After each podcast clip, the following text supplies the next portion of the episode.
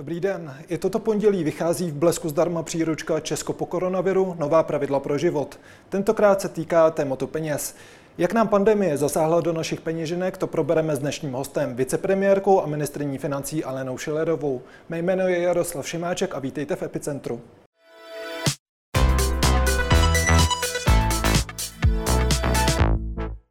Dobrý den, paní vicepremiérko. Dobrý den.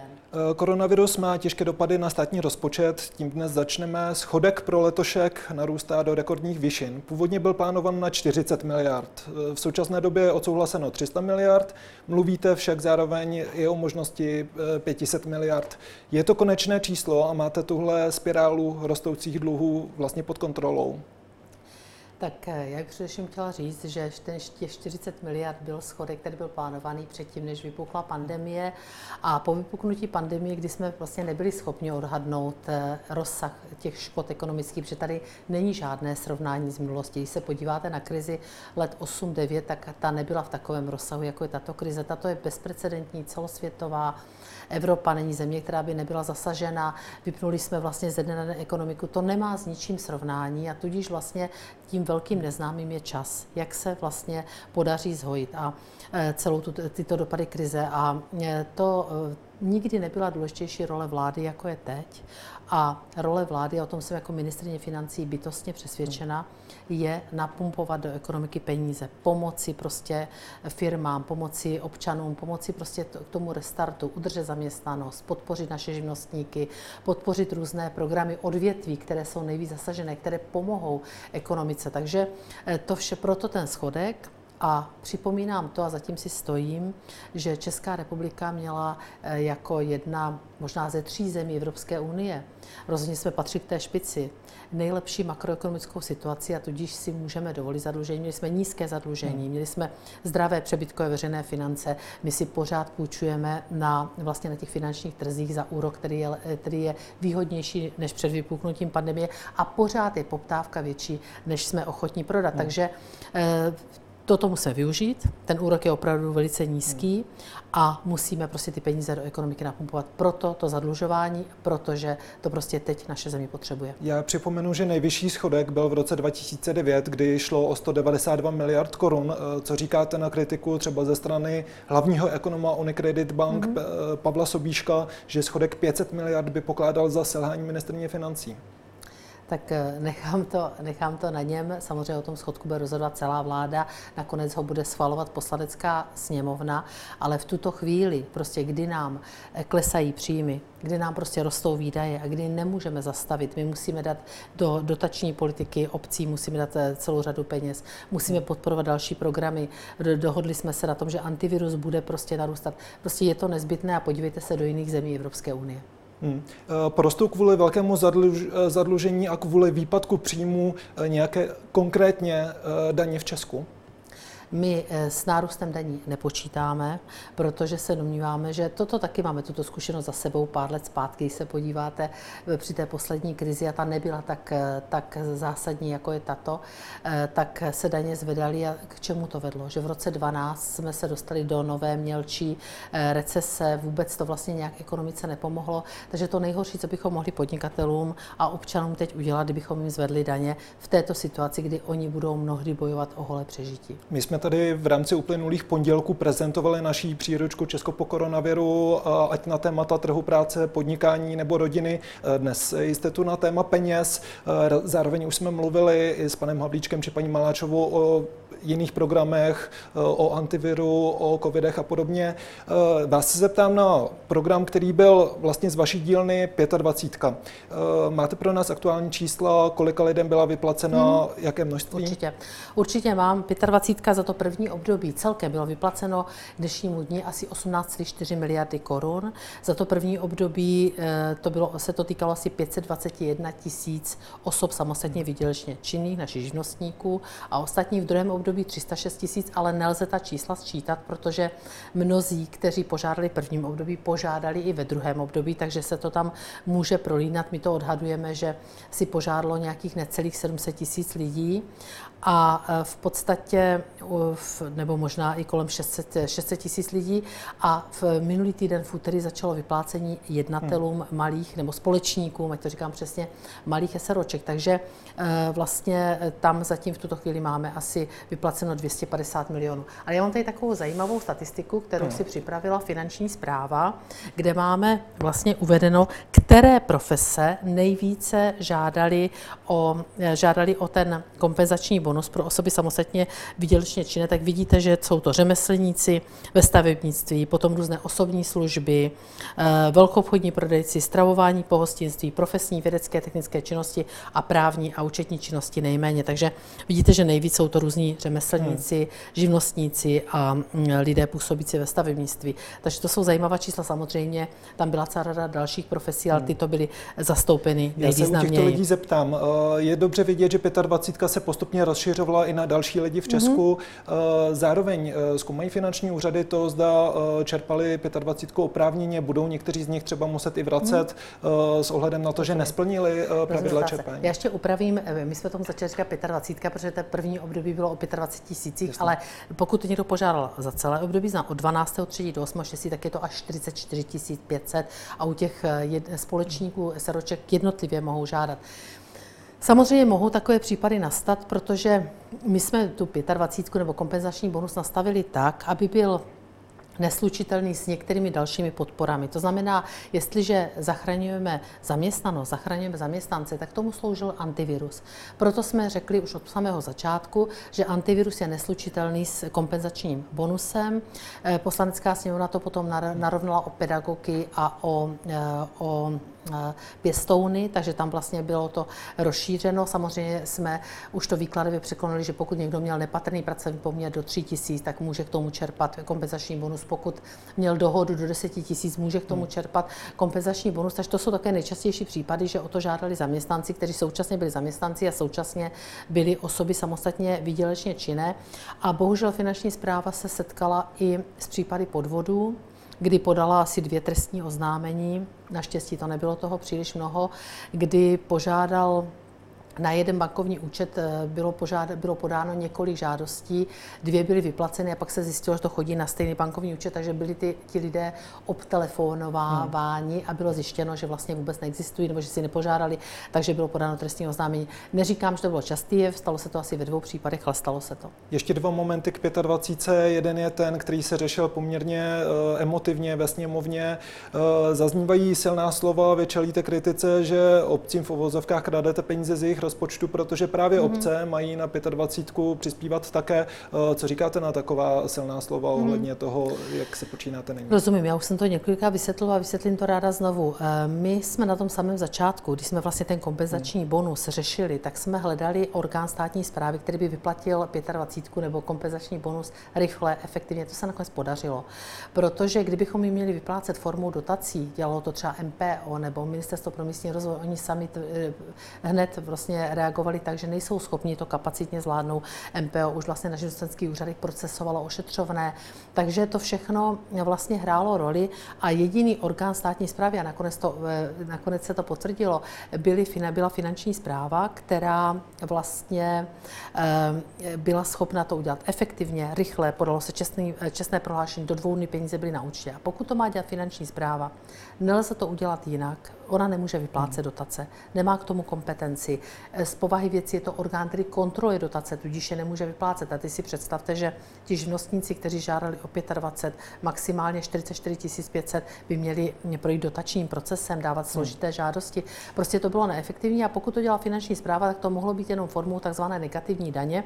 Ona s tím zkušenosti už má, bonus se vyplácí například na děti, proto se toto zvolilo a tím pádem to nešlo jinak než ze sdílených daní. Ale my ten problém a tu kritiku jsme zavnímali. My to v rámci koalice řešíme, na vládě to budeme řešit a my kromě masivní dotační podpory, hmm. protože nechceme, aby se zastavily investice, počítáme i s nějakou jednorázovou kompenzací pro obce. Neměli jste už od začátku výrazně říkat, že zkrátka jednoduše obce i kraje na tom budou muset participovat? Nemělo to být řečeno třeba opravdu polopaticky. Rozumím. Víte, eh, ten kompenzační bonus prošel první, eh, zákon prošel parlamentem. Bylo to vždycky v důvodové zprávě uvedeno. Bonus nelze a finanční zpráva hmm. jinak než sdílených daní. V důvodové zprávě to je. Pak prošel druhou novelu, nikdy to nezaznělo. Poprvé se na to zeptal eh, hospodářský výbor v Senátu, kde jsem to vysvětlila a zaznělo to a rozhořela se tato obávám se, že mnohdy politicky motivovaná hmm. bitva až vlastně v souvislosti s těmi malými SROčky. Takže já chci věřit tomu, že poslanci věděli, o čem hlasují, věděli prostě, pro co zvedají ruku. Dokonce celá řada opozičních poslanců navrhovala zvýšení toho kompenzačního bonusu. To znamená ještě větší zářez do sdílených daní. Takže mně to teď připadne prostě jako, eh, jako využití eh, té situace. Hmm. Během A řešení... bohužel stavění vlády proti obcím, což mě velmi mrzí, protože my v této těžké době eh, musíme táhnout za jeden pro vás. Během řeč, řešení tohoto kompenzačního bonusu se ukázalo, že sněmovní mikrofony mohou být trochu ošidné. Přistihli vás při takovém rozporu hmm. s vaším koaličním partnerem v momentě, kdy poslanec ČSSD dal návrh, který byl patrně hmm. vámi neočekáván. Vy jste tu debatu ukončila slovy, pokud mohu citovat, příště se na vás vyserem. Panu Hamáčkovi jste se omluvila, ano. on to prý přijal. Bylo to v návalu emocí, nebo takhle běžně komunikují koaliční partneři ne, ne, ne, v současné ne, vůbec vládě? já tak ani to není, nepatří do mého běžného slovníku. Já mě to velmi mrzelo. Já jsem, abych vám řekla pravdu, já jsem si to v tom návalu těch emocí, které tam probíhaly v těch kulárech, eh, tak jsem si to ani neuvědomila. Já jsem se mu samozřejmě, když jsem to z médií zjistila, šla druhý den hned omluvit a eh, kuriozně na tom je, že on si to taky neuvědomoval, takže to prostě proběhlo nějak tak mimo děk, ale nicméně nepatří to do kulturní debaty. Já jsem se mu omluvila a omluvila jsem se všem, kterých se to dotklo, protože by takto se komunikovat neměl. Pojďme dál, pojďme k tomu, co je vyloženě důležité, když se podíváme na dopady koronakrize na peněženky běžných hmm. lidí. Očekáváte, že v Česku zdraží eh, třeba zboží v obchodech či třeba nějaké služby, eh, budou vyšší výdaje na život právě v době po první vlně pandemie koronaviru? Eh, jak zasáhne pandemie do našich peněženek? Tak ono se po těch pár prvních měsících se ukázal jakýsi nárůst inflace, ale my si myslíme, a samozřejmě musíme vyčkat nějaký, nějakého dalšího období, že to bude přechodné, protože když se podíváte, tak nám cena ropy klesá, takové ty věci, co mají vliv vlastně na inflaci. Také musíme zohlednit to, že ta inflace celá leta před pandemí docela dlouho nerostla. Jo? To znamená, že vlastně byly schopny to firmy ustát, bez toho aniž navyšovaly ceny, přestože rostly eh, poměrně dramaticky platy.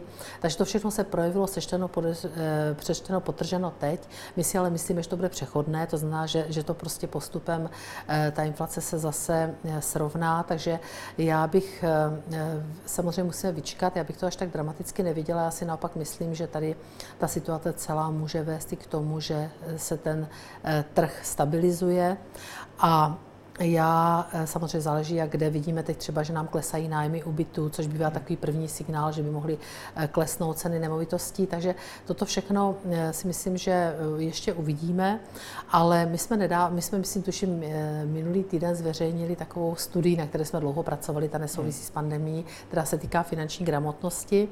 A máme tady, vidíme tady posun po pěti letech velice značný, že lidé skutečně se v, to, v tom hospodaření s penězi hmm. velmi posunuli.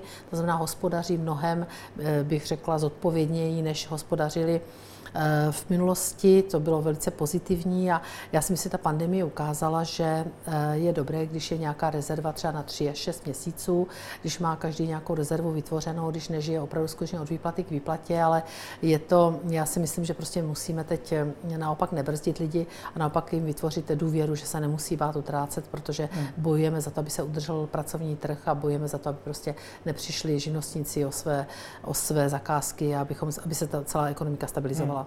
Vy jste zmínila právě onen průzkum finanční mhm. gramotnosti mm. Čechů a tam jsou některé údaje, možná je trošku alarmující. Eh, znepokojící může být třeba to, že eh, třetina lidí nepokryje bez půjčky neočekávaný výdaj 11 200 korun. Vy jste na to upozorňovala i na Twitteru. Jak vy vnímáte, že lidé zkrátka ten polštář, o kterém vy mluvíte, 3, 3 eh, až 6 platů nemají a ti, co jej měli, možná do něj museli sáhnout právě kvůli koronaviru?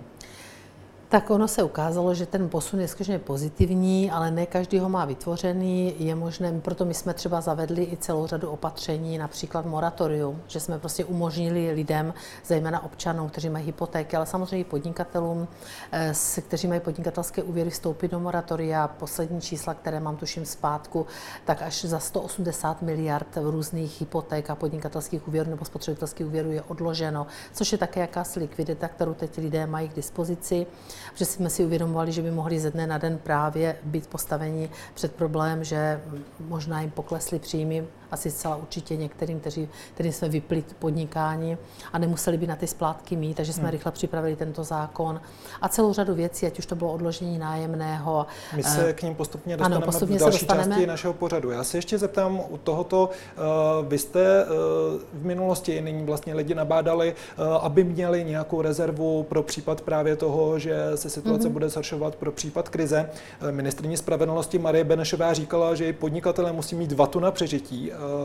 Mělo Česko jako stát takové vaty dost vlastně z času šlapající ekonomiky? Měli jsme jako vaše, vaše vláda dostatečně vytvořené mm-hmm. rezervy pro to, že nyní bude hůř? Bezpochybně. Jinak bychom neměli tak skvělý rating, jinak bychom tak skvěle neprodávali dluhopisy na finančních trzích za tak nízký úrok, protože důvěra v českou ekonomiku a důvěra vlastně ve stabilitu. Vemte si, že my jsme měli, eh, byli tři nejnižší dluhy v Evropské unii a jeden z nich byl náš. Byli jsme hmm. kolem 30% zadlužení veřejného. Když se podíváte, tak Německo třeba na, před pandemí na 60% a všichni ostatní byli výš. To znamená, to byla podmínka jedna. Pak jsme měli veřejné finance, které byly přebytkové. Když se podíváte dneska na kraje města obce, já jsem za to velmi ráda, tak vlastně oni mají dnes eh, většinou eh, přebytkové, když se to hmm. hospodaření, to znamená, mají vytvořenou jakousi rezervu a stát vlastně, i když prostě hospodařil deficitně. Ve výsledku potom to dopadal ten výsledek jinak. Myslím, ten plán, že byl připraven, tak ten deficit byl naprosto zanedbatelný. To znamená, že toto všechno nás předurčuje k tomu, tato makroekonomická situace před pandemí, abychom jako Česká republika situaci i přes to zadlužení, které teď prostě uděláme, uděláme ho proto, abychom pomohli ekonomice, abychom napumpovali peníze do ekonomiky, protože si ji půjčeme velice levně, tak eh, nás předurčuje k tomu, abychom to zvládli. Důležitá věc pro běžné lidi je samozřejmě otázka bydlení. Eh, ty predikce nejsou úplně jasné, jak přesně bude vypadat eh, trh eh, s bydlením do budoucna. Nicméně, o co dalšího není, že Češi mohou žádat, je třeba příspěvek na bydlení. V jakém momentě mohou požádat? V momentě, kdy mají hluboko do kapsy? Tak příspěvek na bydlení je otázka, která je v gesti Ministerstva práce sociálních věcí. Tam jsou stanoveny podmínky, určitě se zkoumají, já vám neřeknu úplně přesně, hmm.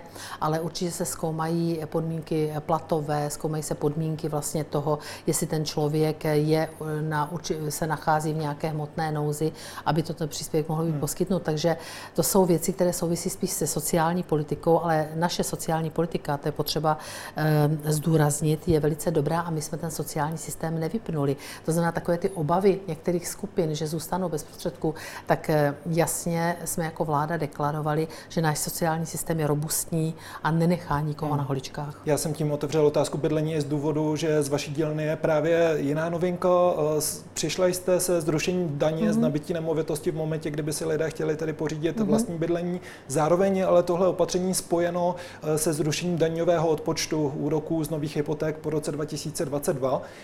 Takže pro proč tohle to propojení, kdy na jedné straně vlastně mm-hmm. lidem dáváte, na druhé jim berete a možná do budoucna znevýhodníte lidi, kteří si budou chtít mm-hmm. požádat uh, o hypoteční úvěr, mm-hmm. pořídit si po roce 2021 svoje vlastní bydlení. 22.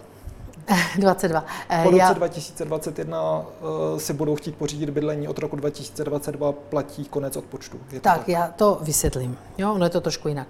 Uh, to, to zrušení daně z nabití nemovitých věcí, víte, já jsem celý život se věnovala daňovému právu, já jsem přes 20 let působila externě na právnické fakultě a daň z nabití eh, nemovitostí byla jedna z daní, která vlastně, i když jsem se bavila s experty, kteří se specializují na majetkové daně, tak jsme nebyli schopni najít nějaké opodstatnění pro to zdanění. Když se podíváte po Evropě, tak polovina zemí to má tuto daň, polovina ji nemá.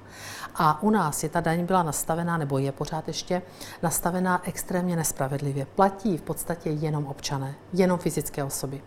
Když neplatíte ji, když si koupíte eh, novostavbu, tak tam si kdysi developeři prolobovali, že se ta daň z toho neplatí. Takže to je první výjimka, která je prostě, která tam je nastavená. Takže vlastně, až si kupujete nějakou starší nemovitost nebo druhobyt, když to řeknu, není to novostavba, tak vlastně platíte tu daň, nedává smysl. A další věc, když jste právnická osoba, a nechcete tu daň platit, tak to uděláte převodem obchodního podílu a vlastně obejdete tuto daň. Takže skutečně to dopadá jenom na určitou skupinu občanů a fyzických osob. To byla první věc. A v podstatě jediný důvod, proč jsme tu daň drželi, a samozřejmě já jsem v hlavě tu reformu měla už delší dobu, ale nebyla proto politická vůle, bylo těch 13 miliard ze státního rozpočtu, které by prostě chyběly a které by se těžko prostě nahrazovaly. Teď je doba, kdy prostě musíme ulevit, musíme prostě tu likviditu dát a jestliže nám ještě k tomu prostě klesá cena nemovitostí, tak si myslím, že ruku v ruce by to mohlo podpořit. Navíc my to děláme zpětně, to znamená dopad dopadne to na všechny převody, kde by, které byly účinky vkladu zapsány vlastně do konce prosince roku 19. A teď k tomu těm odečtům.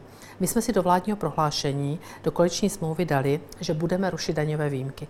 Tohle je jedna z dalších daňových výjimek že si uplatňujete úroky z úvěru, z úvěru na bydlení. A teď, když si vezmete, když si koupíte vy dům za 5 milionů, vezmete si 4, nebo byt, vezmete si 4 miliony hypotéku, a hned na tom samém začátku musíte zaplatit vlastně 200 tisíc na dani, hmm. které vám chybí. A když si budete moci uplatňovat ten, ty úroky z úvěru při nějaké eh, hodnotě úvěru kolem 2% a tak dále, tak po 30 letech dosáhnete na necelou tuto částku, čili kdy ty peníze potřebujete na začátku. A my jsme se na vládě v rámci koalice dohodli, že to zrušení, a teď pozor, se bude týkat smluv uzavřených po 1. lednu 2022. To znamená, všechny úroky z úvěru třeba 30 let hmm. doběhnou. Takže a ještě se mě často ptají občané, tak to tady řeknu, využiju to, co takzvané refinancování, tak pokud je to refinancování, tak to doběhne také. To se týká jakoby těch starých úvěrů. Hmm. My se v druhé části podíváme na další vládní novinky. Byl to třeba odklad EET, ale také se paní vicepremiérky zeptáme na aktuální politické dění.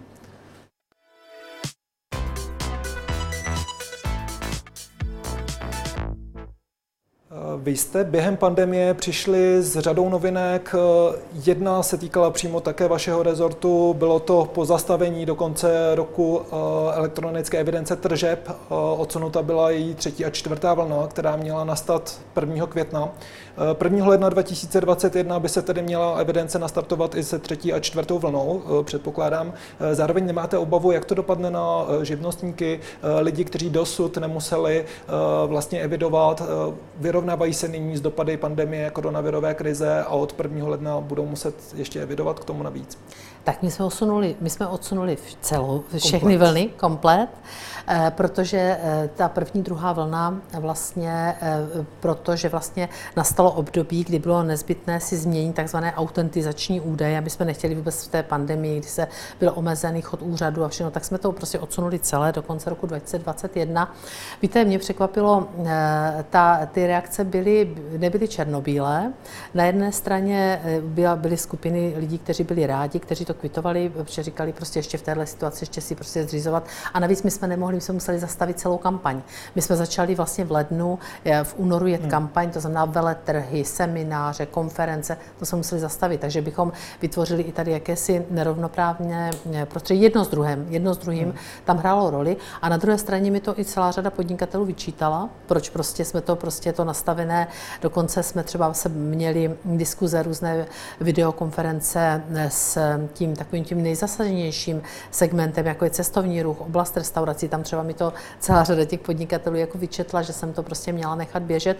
Takže bych řekla, že ty reakce byly, já jsem přesvědčena o tom, že je to správný krok, že prostě v tuto chvíli musíme se soustředit na ekonomiku jako takovou a prostě jakmile, eh, jakmile odezní pandemie, my zase na podzim začneme jet eh, veletrhy, začneme jet konference a eh, spustíme ET od 1. ledna 2020 na pro všechny. Řadu věcí jste prominuli, posunuli či mm-hmm. odložili. Co dle vás běžným lidem a běžným českým domácnostem v tomhle pomáhá nejvíc mhm. aktuálně? Mm.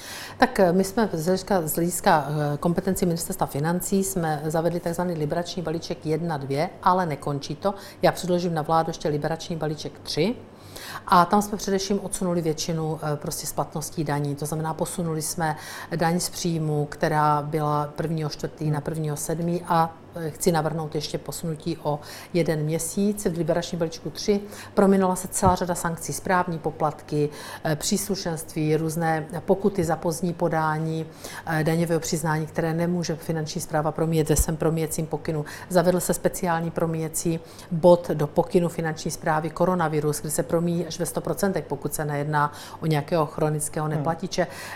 DPH eh, se v masivně finanční zpráva pro mě dostávám každé pondělí přehledy. Minulý týden to bylo asi za 5 miliard, je, hmm. je posunuto z platnosti DPH, čili celá řada těchto opatření. Eh, ta daň z nabití, jak jsme se o ní bavili, On ta se celý taky posunula. ten přehled je právě s okolností v naší uh, příručce Blesku. Uh, zeptám se ještě jednou z možností, jak postupovat při finančních obtížích, kdy se české domácnosti dostanou uh, třeba v rámci uh, dopadů pandemie koronaviru a uzavřených provozoven dříve, uh, je to, že se mohou třeba dohodnout s bankami odložení splátkových kalendářů mm-hmm. a podobně. Doporučila byste lidem, aby se snažili spojit s institucemi, kterým třeba dluží, aby si domluvili různé splátkové kalendáře, eh, aby se mm-hmm. snažili individuálně řešit právě ty své problémy, které nyní mohou mít. Tak právě proto jsme zavedli to moratorium formou zákona, o které jsem před chvíličku mluvila, kde už vlastně využili to lidé asi za 180 miliard, to jsou poslední páteční čísla.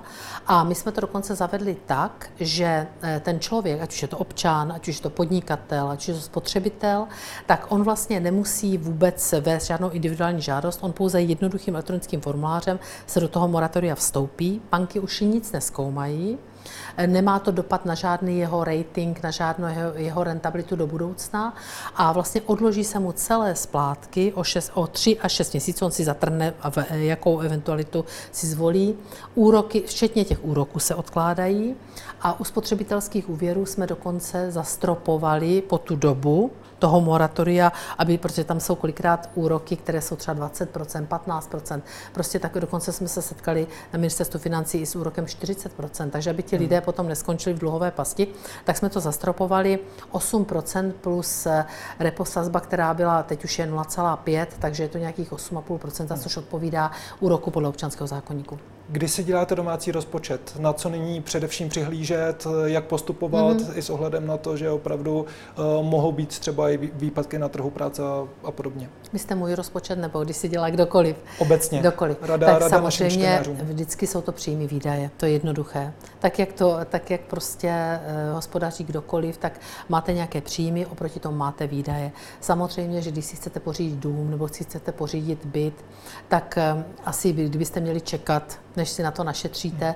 Pokud eh, vyjdeme z nějaké průměrné mzdy nebo menších mest, než je průměrná, tak možná by ta cena tak rostla, že by to nemělo smysl. A dneska při těch nízkých úrocích u bank, tak eh, si myslím, že se vyplatí si půjčit, ty úroky jsou už dlouhodobě nízké, ale samozřejmě zase je potřeba myslet na to, aby eh, člověk byl schopen splácet ze svého příjmu tu splátku. Oni to hlídají, dneska banky to i hlídají, hmm. že aby to odpovídalo nějakým, eh, nějaké, nějakým těm předpisům, doporučením České národní banky, které my chceme dostat do novely zákona o České národní bance.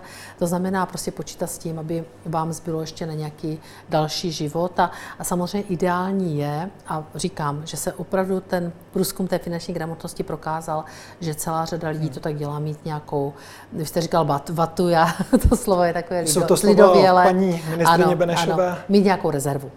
Eh, zároveň ten váš průzkum také ukazuje s tím, eh, že ukazuje to, že lidé počítají s důchodem do budoucna. Mm-hmm. 95% mm. lidí počítá s tím, že nějaký důchod dostane. Eh, paní vicepremiérko, co situace ohledně důchodu? Mm-hmm. Narůstá schodek rozpočtu, jsou před námi investice, které vy byste chtěli realizovat, zároveň bude na vyplácení důchodu a bude se přidávat i pro rok 2021 důchodcům nad rámec zákonné valorizace. Tak to je několik otázek. První věc je ta, že my skutečně to letošní zadlužení eh, je extrémní ve všech zemích Evropské unie, ale pak chceme nastavit, máme nastavený určitý plán konzolidace a postupně chceme v průběhu sedm let se vrátit do nějakého stavu před pandemí, tak, abychom nemuseli drasticky škrtat, drasticky zvyšovat daně a vlastně udrželi úroveň, eh, životní úroveň občanů v České republice. Co se týče důchodu, tak my počítáme s tím, že důchod, tak jak jsme slíbili v roce 2021, bude průměrný důchod 15 000 korun. Eh, ta valorizace, kterou přesně budeme vědět někdy až na konci srpna, to se počítá podle spotřebního koše a hmm. Eh, Český statistický úřad a tak dále, ale odhadujeme, že ta valorizace se bude pohybovat kolem 800, spíš bych řekla, že přes 800, takže tou valorizací se na to dostaneme. Určitě tento důchod prostě zaručíme. V tuto chvíli nic jiného slibovat nebudu, protože jsme v jakési situaci, toto jsme slíbili, toto dodržíme a e, otázka bude dalšího ekonomického vývoje. Na začátku roku ta e, situace určitě byla jiná než mm-hmm. nyní. Vy jste na počátku roku mluvila o možném zrušení superhrubé mzdy. Zaměstnanci mm-hmm. by po výpočtu čisté mzdy dostali několik stovek navíc. E, šlo by ale samozřejmě i do zásah do státního rozpočtu. Toto opatření patrně bylo odsunuto na neurčito. My se k němu vrátíme ještě v rámci koalice, my jsme ho úplně nezatratili. Ono by to určitě nějaký přínos pro zaměstnance mělo a zasloužili by si to. Nicméně já už mám za sebou připomínkové řízení z roku 2018, kdy jsme neměli ještě vládu s důvěrou, takže jsme nakonec ten eh, nepokračovali v legislativním procesu. Tam je několik problémů, protože my tam eh, vlastně eh, dělá, my tam vlastně dneska vlastně efektivní zdanění pro zaměstnance, protože to počítá ze superhrubé mzdy, není 15 ale je to nějakých 20,4 a my máme v vládním prohlášení v koleční smlouvě, že to snížíme na 19% což eh, samozřejmě u zaměstnanců je snížení daně, ale u osob samostatně výdělečně činných je to zvýšení daně. Takže my jsme měli naplánováno že bychom jim to kompenzovali tím, že by si asi tři čtvrtiny zaplaceného sociálního mohli dát do výdajů, ale pořád vizuálně je to zvýšení daně a zůstává skupina eh, fyzických osob, která má příjmy třeba z pronájmu, jo, nemá hmm. vedle toho ještě zaměstnání a ti by samozřejmě těm bychom zvýšili daň. Či toto jsou otázky, které musíme velmi vážně v koalici prodiskutovat. Co také budete v koalici diskutovat, je patrně možnost zvýšení příspěvku v nezaměstnanosti, což bude otázka, která do budoucích měsíců bude také značně ožehavá. Eh, vaše vládní kolegyně Jana Maláčová opět mluví o možnosti zvýšení těchto mm-hmm. příspěvků, protože za současných 8,5 tisíce korun se žít nedá, pokud jim mohu mm-hmm. citovat, eh, o vyšší částce chce vést na vládě diskuzi. Eh, byla byste pro, aby se navyšovalo? No, já jsem k tomu zatím velmi opatrná. Řekla bych, že zatím pro nejsem, ať vám neuhnu z té hmm. otázky, protože já chci znát nějaká čísla. My pořád máme na trhu práce víc volných míst, než nezaměstnaných. Já chápu, že ta situace je, eh, je složitá, že tady máme antivirus, tím podporujeme zaměstnanost, že se to může samozřejmě otočit. Já eh, to velice pečlivě sleduju, ta čísla, hmm. ale na druhé straně my potřebujeme, aby lidé šli do práce. My nepotřebujeme podporovat to, aby byli doma. A vemte si, že eh, třeba takový segment zemědělství, já neustále slyším od ministra zemědělství, jak nemohou tam sehnat prostě lidi na práci, že prostě zhání cizince, protože prostě nemohou sehnat lidi z Čechy, Čechy, Moravany, aby šli pracovat do zemědělství. Eh, to, že se říká, že platí málo, není pravda. On pan minister tam prezentoval, že, ty, eh, že to vlastně ta eh, mzda se tam hodně zlepšila. Takže já si myslím, že my pořád ještě na tom trhu práce na tom nejsme tak zlé a měli bychom motivovat lidi pracovat, ne být doma hmm. na podpoře, to je první věc, takže toto, to je důvod, proč já prostě jsem k tomu zatím velmi opatrná, k takovýmto soudům. A když se podíváte třeba, taková, já vám trošku odbočím do Evropy, jenom si dovolím, jenom hmm. krátká vsuvka, že teď se jedná vlastně o víceletém finančním eh, rámci či rozpočtu Evropské unie na příštích sedm let.